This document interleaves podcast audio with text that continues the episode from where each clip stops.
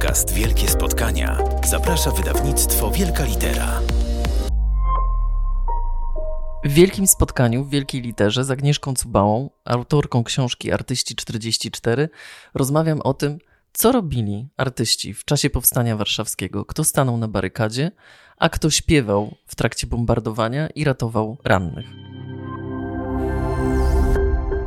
W wielkim spotkaniu w wielkiej literze gościmy Agnieszkę Cubałę, autorkę książki Artyści 44. Dzień dobry, jest mi bardzo miło, że mogę tutaj gościć. Dzień dobry. Na obwolucie książki jest takie zdanie pasjonatka historii powstania warszawskiego. Mhm. Wszystko się zgadza. Co to znaczy?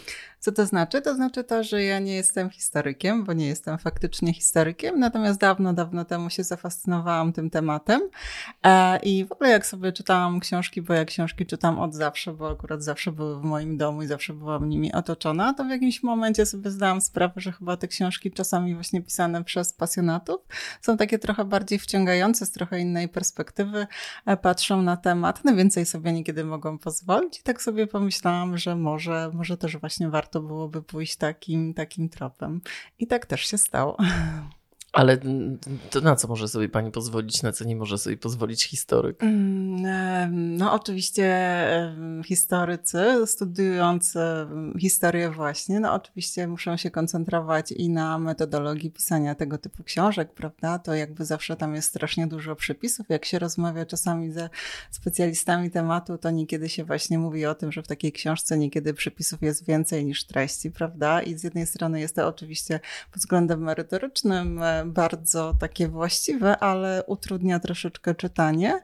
E, a ja po prostu mogę sobie pójść e, troszeczkę właśnie swoją ścieżką. Oczywiście przeszłam przez całą metodologię pisania na temat historii, bo jakby chciałam, żeby to po prostu było e, dobrze napisane też, żebym wiedziała, jak się podchodzi do źródeł, jak różnego rodzaju takie trudne tematy sobie oceniać, no ale, ale też ja lubię chodzić swoimi ścieżkami, lubię wolność generalnie właśnie w podejściu do różnych tematów. No i właśnie tutaj mogłam sobie a, pozwolić też na pisanie tak, żeby mnie to ciekawiło, żebym ja sama mogła tę postać polubić, bo rzeczywiście też tak mam, że ja muszę polubić mojego bohatera. Jeśli kogoś nie lubię, to o nim nie piszę, tak? Więc, więc to tak też jest. A jak można nie polubić bohatera? A powstańca jak można nie polubić? Są tacy powstańcy, o których pani napisała? Ależ oczywiście, że tak. Ale przecież no. my wszyscy ich kochamy.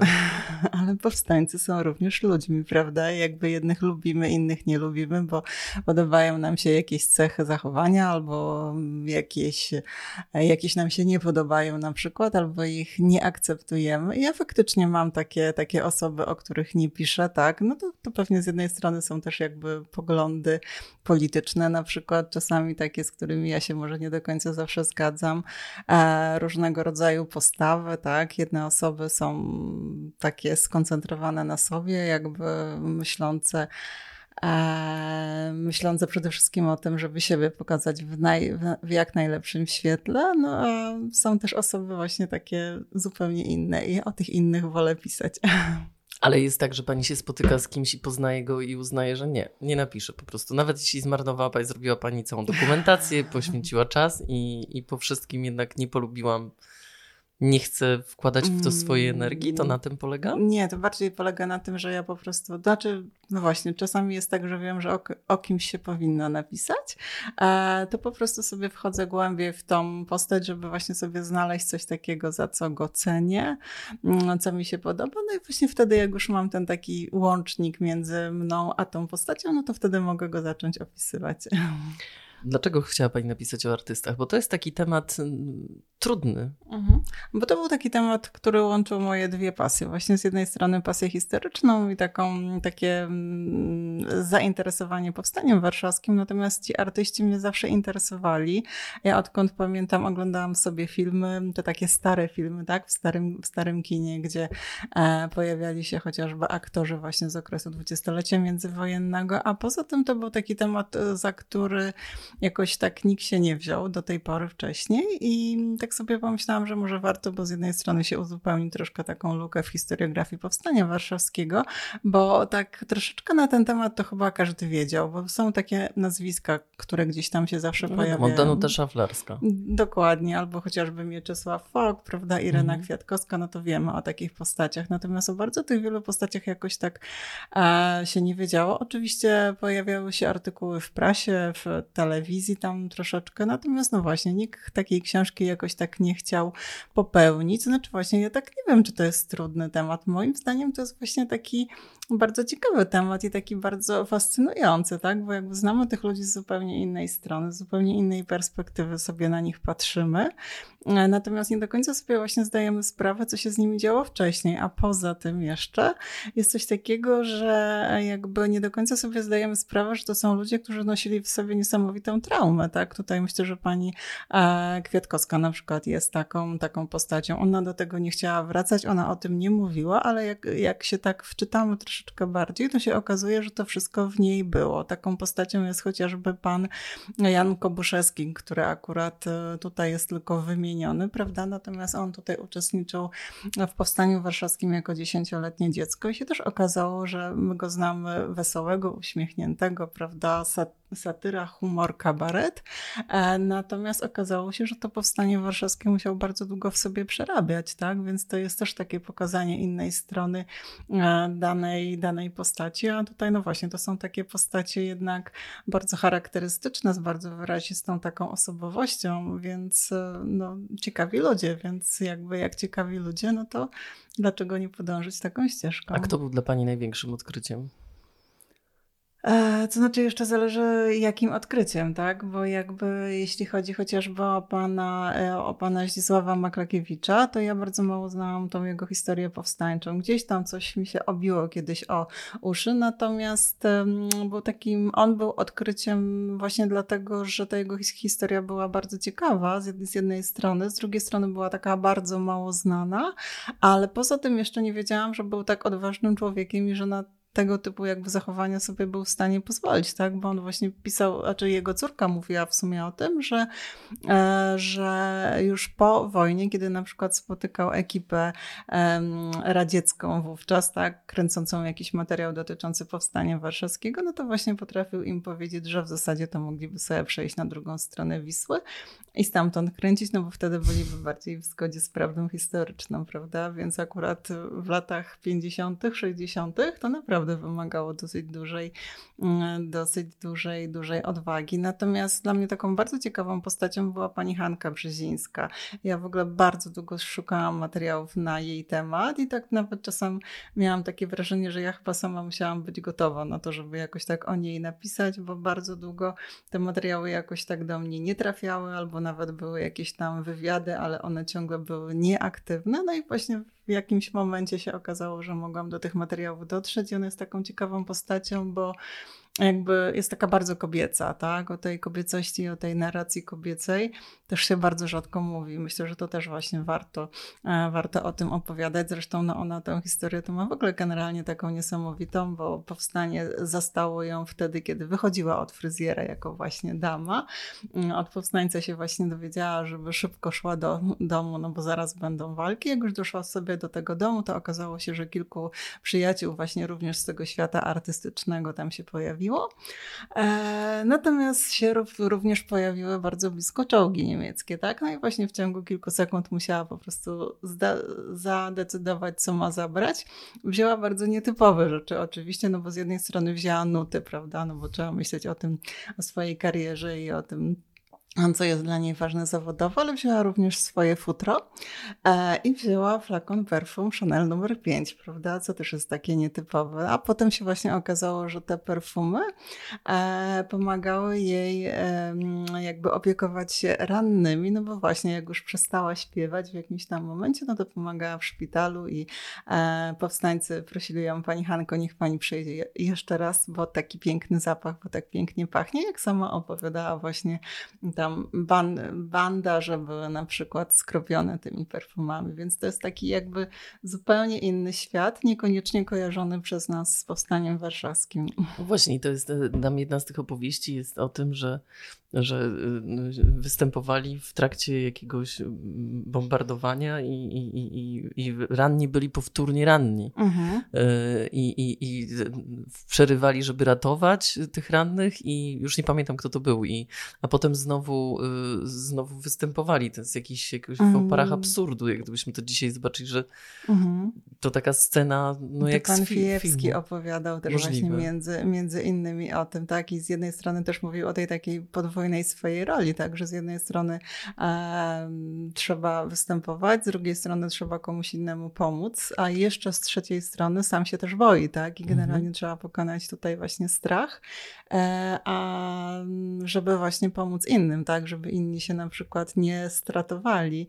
Natomiast no, tutaj właśnie wspom wspomniana pani Hanka Brzezińska, no też miała niesamowite przeżycia, bo ona na przykład miała śpiewać e, w, śpiewa, no śpiewać, tak, bo ona głównie śpiewała e, w szpitalu, a propos którego właśnie było wiadomo, że już ten budynek się pali, że nie wszystkich ludzi jesteśmy w stanie wynieść i że nie wszystkim e, możemy pomóc, ale żeby oni właśnie się nie zorientowali, tak, żeby nie czuli się samotni i tacy opuszczeni, no to właśnie śpiewała do ostatniej chwili, potem wpada żołnierz, pani Hanko, uciekamy.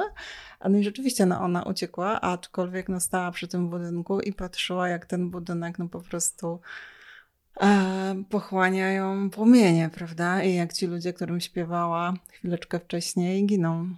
To jest tak, że tak, to Tadeusz Fijewski także mhm. stwierdził, że nie można tego nazwać teatrem. To po prostu też właśnie tutaj ten cytat sobie wypisałam. Nie można tego nazwać teatrem. To po prostu spotkanie aktora z ludźmi dotkniętymi nieszczęściem. Mhm. I się zastanawiałam, jakie to ma, jakie sztuka miała znaczenie y, w tamtym czasie dla ludzi. Mhm. No, z jednej strony na pewno pozwalała na taką chwilę oddechu, wytchnienia, pozwalała zapomnieć, pozwalała zapomnieć o tej takiej trudnej, bolesnej rzeczywistości, pozwalała zapomnieć o tym, że na przykład być może pięć minut wcześniej straciliśmy kogoś bardzo bliskiego, pozwalała zapomnieć o głodzie, tak, bo to też się wydarzyło, pozwalała zapomnieć o tym, że nie wiemy, co się dzieje na przykład z matką, z ojcem, z córką, z synem, a wiadomo, że w takich sytuacjach niewiedza jest najbardziej bardziej trudna. E, natomiast to też jest ciekawe, że jakby ta sztuka pomagała samym artystą, tak? No bo właśnie tutaj pan Mieczysław Fok mówił między innymi o tym, że śpiewam, więc jestem. Mhm. I tak, tak naprawdę dzięki temu jemu też było łatwiej wytrwać, tak? Zresztą on na początku miał być e, powstańcem uczestniczącym bezpośrednio w walce, no ale się okazało, że akurat no, ma wadę wzroku, tak? Więc jakby tak nie do końca się tam e, spełniał. Samostanie na warcie mu nie wystarczało, no ale właśnie został po, to znaczy na samym początku początku sam poszedł do swojego dowódcy, się zapytał, że może mógłby właśnie powstaniu służyć troszeczkę inaczej, aczkolwiek dowódca stwierdził, że to nie jest czas na występy, to nie jest czas właśnie na kulturę. Tutaj mamy bardziej ważne sprawy i generalnie mu odmówił, a poza tym jeszcze właśnie uważał, że przecież powstanie potrwa 2-3 dni, no to w ogóle po co z tym wszystkim zaczynać? No ale potem się okazało, że pan Mieczysław Fok był uparty, znalazł sobie osobę, która mogła mu akompaniować i faktycznie zaczęły się koncerty i wystąpił 104 razy. Oficjalnie. Czy można powiedzieć, że życie artystyczne kwitło w tamtym czasie? Zdecydowanie tak. To znaczy w ogóle na przykład o życiu muzycznym się mówi tylko to a propos okupacji, e, że nigdy się tak wspaniale nie rozwijało i to też jest niesamowite, prawda? Natomiast tutaj no to rzeczywiście, bo mamy z jednej strony i teatr, tak? Mamy właśnie chociażby Leona Schillera, który po prostu przygotowuje specjalny spektakl, który jeszcze zostaje wystawiony. Wprawdzie zostaje również przerwany przez, e, przez atak Niemców, tak? No i właśnie trzeba, trzeba było uciekać generalnie stamtąd. No ale właśnie, no, spektakl był. Poza tym no, mamy występy artystów śpiewających i tutaj też można byłoby wymienić mnóstwo nazwisk, chociażby właśnie już e, wspominany Mieczysław Fog albo pani Mira Ziemińska-Sygietyńska. Mamy muzyków oczywiście, chociażby pan Jan Ekier e, i etiuda rewolucyjna i w ogóle niesamowita rola Chopina i jeszcze też to, jak inaczej wtedy Chopin tak, brzmiał. Tak, to pisze tak? pani o tym, że ten Chopin zupełnie inny miał wydźwięk, także tak to, to też jest właśnie zupełnie, zupełnie coś innego. Mamy teatrzyk Kukiełki pod barykadą, tak, i to też są takie bardzo, bardzo ciekawe historie.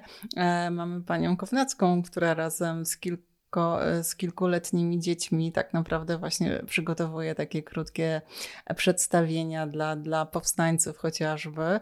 E, no i mamy jeszcze filmowców, dokumentalistów, którzy właśnie podczas walki dokumentują powstanie warszawskie. Były, było kilka pokazów e, i to no myślę, że to jest taki fenomen troszeczkę powstańczej Warszawy i to jest chyba też ważne, żeby jakby mówić o tym, że to powstanie to nie jest tylko walka cier cierpienie i śmierć, albo nie tylko e, mit, legenda, albo no właśnie, nie tylko e, pytanie bić się czy nie bić, tak, albo sens czy bezsens powstania warszawskiego, tylko tam jest mnóstwo innych tematów. Znaczy, myślę sobie, że ciekawe pewnie też jest to, że gdyby pani miała tutaj powstańca, to powstaniec by w ogóle mówił, że ale ja byłem na przykład na Woli albo na Starym Mieście i tam nie było żadnych e, występów, tak, no to w ogóle co to jest za temat? To jest w ogóle wymyślone, natomiast Natomiast no faktycznie jak się tak spojrzy z góry, to się okazuje, że chociażby na tym starym mieście te koncerty jednak były, tak? Tylko no może było ich niedużo, może były bardziej na początku,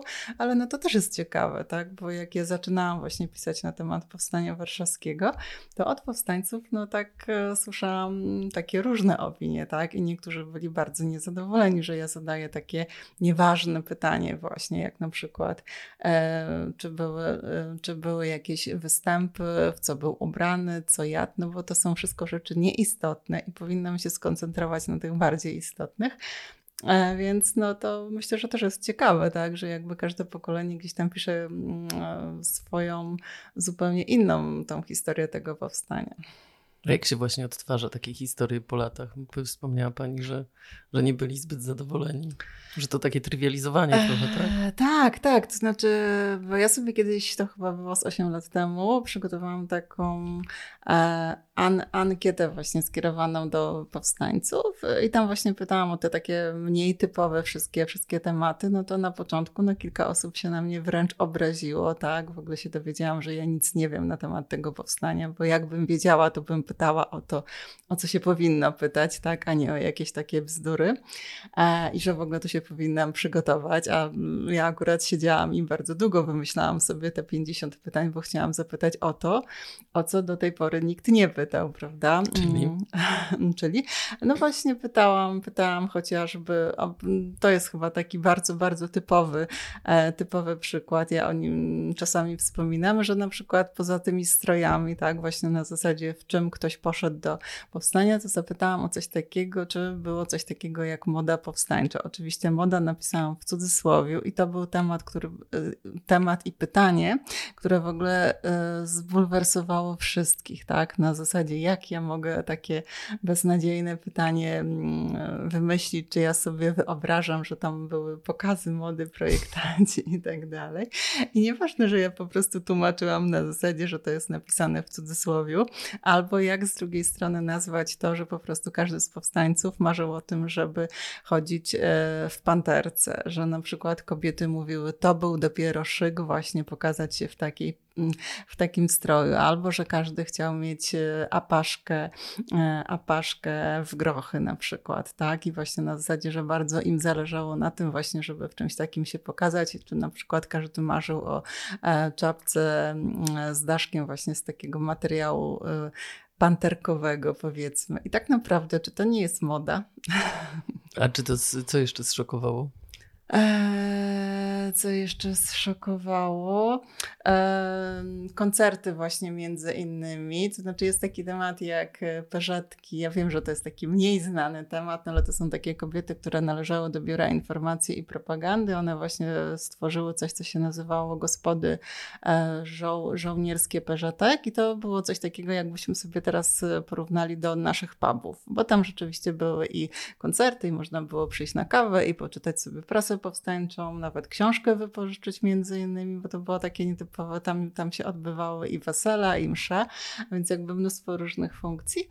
No i też się dowiedziałam od co po niektórych powstańców, że absolutnie czegoś takiego nie było i sobie też coś na przykład wymyślam, tak? Albo na zasadzie, że e, no właśnie po co pytam o jedzenie, skoro tak naprawdę to oni w ogóle nie pamiętają, a skoro nie pamiętają, no to to było w ogóle mało, mało ważne, tak? Albo na zasadzie, że gdzieś nie było chleba, a ktoś tam inny właśnie mówił, że był. I, to jest coś takiego, że mi się na przykład, że ktoś mógł być dokładnie na tej samej ulicy, tylko 20 e, metrów dalej i się okazuje, że jakby pamięta zupełnie inne rzeczy, tak? Natomiast no, z powstańcami troszeczkę też tak było, że e, jakby jak dana osoba czegoś nie przeżyła albo nie pamięta, no to bardzo często mówiła, że czegoś takiego nie było, tak? I właśnie potem się okazuje, że w powstaniu miało nie być tego, tego i tamtego. Między innymi miało nie być występów artystów, a jak się okazuje, chociażby w książce było ich mnóstwo, mnóstwo. prawda? Mhm.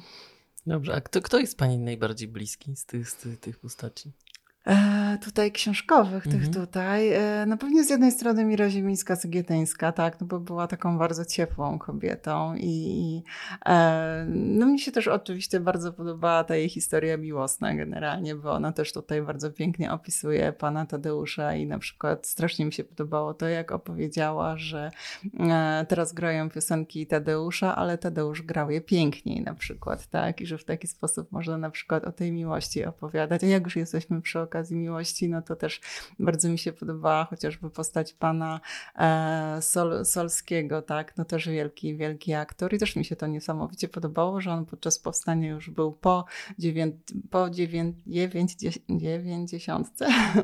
E, i tak naprawdę tam był razem ze, ze swoją żoną, jak został ranny, e, to nie myślał o tym, że nie może się ruszać, że coś go boli, że cierpi, tylko właśnie sobie myślał o tym, że nie będzie mógł być mężczyzną dla swojej kobiety i nie będzie mógł jej wspierać, tak, podać właśnie tego silnego męskiego ramienia. No i też tak sobie myślę, że gdzie tacy mężczyźni teraz, prawda, na przykład, więc mm, to też było, myślę, myślę, że takie, e, takie ciekawe. Znaczy takim swoistym odkryciem dla mnie też był pan Leon Schiller, e, bo to jest trudna postać, tak, tak naprawdę.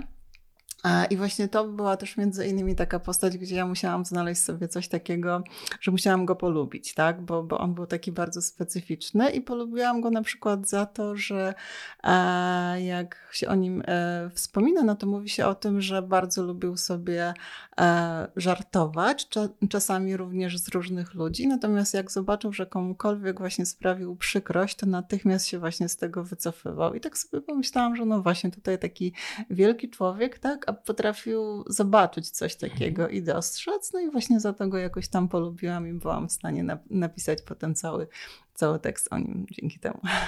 Ja dzisiaj patrzę na, na, na to, co się dzieje w Ukrainie. Przez Instagram obserwowałam mm. też trochę tych y, artystów z tamtej strony i tak sobie myślałam, jak pani teraz dzisiaj na to patrzy z perspektywy tego powstania, na, ten, na to wszystko, co się dzieje, że oni właściwie też muzyką, głównie muzyką starają się dotrzeć do świata. Mhm. No bo to jest taki uniwersalny język, prawda? Na zasadzie, że właśnie każdy jest go w stanie zrozumieć, ale też ciekawe jest to, że mm, wielu powstańców na przykład mówiło o tym, że chociaż mogli występować, no to nie za bardzo chcieli, no bo uważali, że mają bardziej ważną funkcję, bardziej ważną rolę. E, I tutaj wiele osób, wielu dziennikarzy właśnie, mm, którzy byli e, na, na Ukrainie, teraz właśnie mówiło też o tym, tak? Że, że po prostu, że artyści tam też mają takie dylematy, czy, czy po prostu mają spróbować dotrzeć do świata właśnie poprzez muzykę, no bo to jest prostsze, czy powinni się skoncentrować na tu i teraz, tak, i właśnie na tej, na tej walce. Natomiast no niestety bardzo dużo jest tych takich odnośników, jak się, jak się patrzymy. Ja to zawsze w takich, w takich chwilach to sobie myślę o ludności cywilnej, bo jak, jak tak, gdyby się chciało właśnie powiedzieć coś takiego nietypowego na temat powstania, to dla mnie taką, takim fenomenem, niekoniecznie pozytywnym w tym, w tym momencie, jest to, że mnóstwo osób uważa, że e, uczestnik powstania to jest żołnierz, to jest tylko i wyłącznie wojsko. Ja się właśnie wtedy zawsze pytam, a co z ludnością cywilną? Czy ona była w jakiejś bańce, tak? Na zasadzie przecież jak patrzymy to na, na to, co się dzieje teraz właśnie z cywilami, chociażby tam, to tak naprawdę często cierpią jeszcze bardziej, tak? I dokładnie tak samo było w Powstaniu Warszawskim. Natomiast znam osoby, które mi na przykład mówiły, że ludność cywilna nie uczestniczyła w powstaniu albo dzieci nie uczestniczyły w powstaniu, że one tam tylko były. I to po prostu dla mnie jest w ogóle coś niesamowitego, ale mnóstwo osób tak właśnie, właśnie myśli. Na zasadzie, że uczestnik powstania to jest tylko i wyłącznie żołnierz i powstaniec i wojsko. A nie ten, który mieszkał w tym mieście. Tak, tak, mhm. tak. A jak tak już tak na końcu chciałam się, tak się zastanawiałam czytając, czy czy pani sobie bo powiedziała Pani, że jest Pani fascynatką mhm. tego powstania. Czy Pani czasami czuje się, że jest w tym powstaniu? Nie wiem, przeżywa tę historię? Że, no bo ta fascynacja musi się z czegoś, no rozumiem książki i tak mhm, dalej, ale mhm. musi być w tym jeszcze jakaś... Coś więcej. Tak, jakaś To znaczy na pewno, e, na pewno wartości same, tak? Na zasadzie, że, że akurat wolność jest czymś takim, e, co mnie pociągnęło, tak? I właśnie myślę, że niesamowite też jest to, że powstańcy tak mówią tak szeroko o tej E, wol, wolności, że to nie jest tylko właśnie na zasadzie, że mamy wroga, z którym trzeba walczyć, że mamy okupanta, tylko że to jest po prostu tak wolność szeroko rozumiana, tak, że to jest wolność e, myślenia, wolność słowa i tak naprawdę mm, też jak pani Traczyk-Stawska mówi chociażby też o samej godności, tak, że to też jest jakby wolność do tego swojego ja i do tego, żeby można było żyć tak jak się chce, żeby nikt nam niczego nie zabraniał, nie nakazywał i myślę, myślę że to jest to. Natomiast to, to też są młodzi ludzie, prawda? Właśnie na zasadzie, jak ja się zaczęłam fascynować powstaniem, no to byłam w bardzo podobnym wieku. Mm, I wydaje mi się, że to też warto pokazywać, że oni byli że wcale nie byli inni niż, niż my, tak? No bo my tych powstańców znamy takich posągowych często bardzo, tak? Właśnie, że oni są strasznie bohaterscy, a tak troszeczkę stoją sobie na tym pom, pom, pomniku nawet, a, e, a oni byli bardzo, bardzo podobni, tak? Właśnie też mieli różnego rodzaju dylematy, też, e, też odczuwali strach, e, też nie zawsze byli tacy kryształowi, jedni byli dobrzy, drudzy byli źli, tak? Jakby nie zawsze zachowywali się tak, tak bardzo godnie, tylko byli zwykłymi ludźmi, też mieli swoje, swoje przyjaźnie, miłości, swoje powiedzonka, lubili się, się, się śmiać, tam humor humor powstań, czy też jest taki niesamowity, więc, więc wydaje mi się, że bardzo łatwo znaleźć sobie taki wspólny mianownik, albo na przykład to może być też osoba, która chodziła do tej samej szkoły, chodziła do tego samego parku, w to samo miejsce chodziła na wagary albo na te pierwsze randki, prawda? Więc, więc jakby tutaj można sobie znaleźć bardzo dużo takich wspólnych, wspólnych tematów. To na koniec tylko mhm. zapytam, czy w Pani rodzinie ktoś y, brał udział w Powstaniu Warszawskim? Nie, absolutnie nie. Ja po prostu jestem bardzo nietypowa, bo ja pochodzę z Dolnego Śląska. Jakby do Warszawy przyjechałam z jednej strony studiować w szkole, w szkole głównej handlowej, więc właśnie wcale nie historię, ale z drugiej strony właśnie poznawać sobie powstanie i Warszawę poprzez pryzmat właśnie powstania warszawskiego. E, natomiast oczywiście poznałam bardzo wielu, wielu powstańców i tak naprawdę chyba właśnie mm, Zośkowcy jakoś tak, jak koń, koń, kończyłam studia, no to właśnie oni jakoś się tak nam e, zaopiekowali, to oni mi w sumie właśnie pokazywali, jak można patrzeć z innej perspektywy na powstanie warszawskie, to z nimi byłam po raz pierwszy na Powązkach, na grobie Baczyńskiego, który też był taką moją pierwszą miłością, pierwszą fascynacją jakby e, i tak, i tak jakoś poszło. To bardzo Pani za tę pasję dziękujemy. Ja też bardzo dziękuję. Podcast Wielkie Spotkania znajdziecie na naszej stronie wielkalitera.pl, Spotify, Google Podcast i Apple Podcast.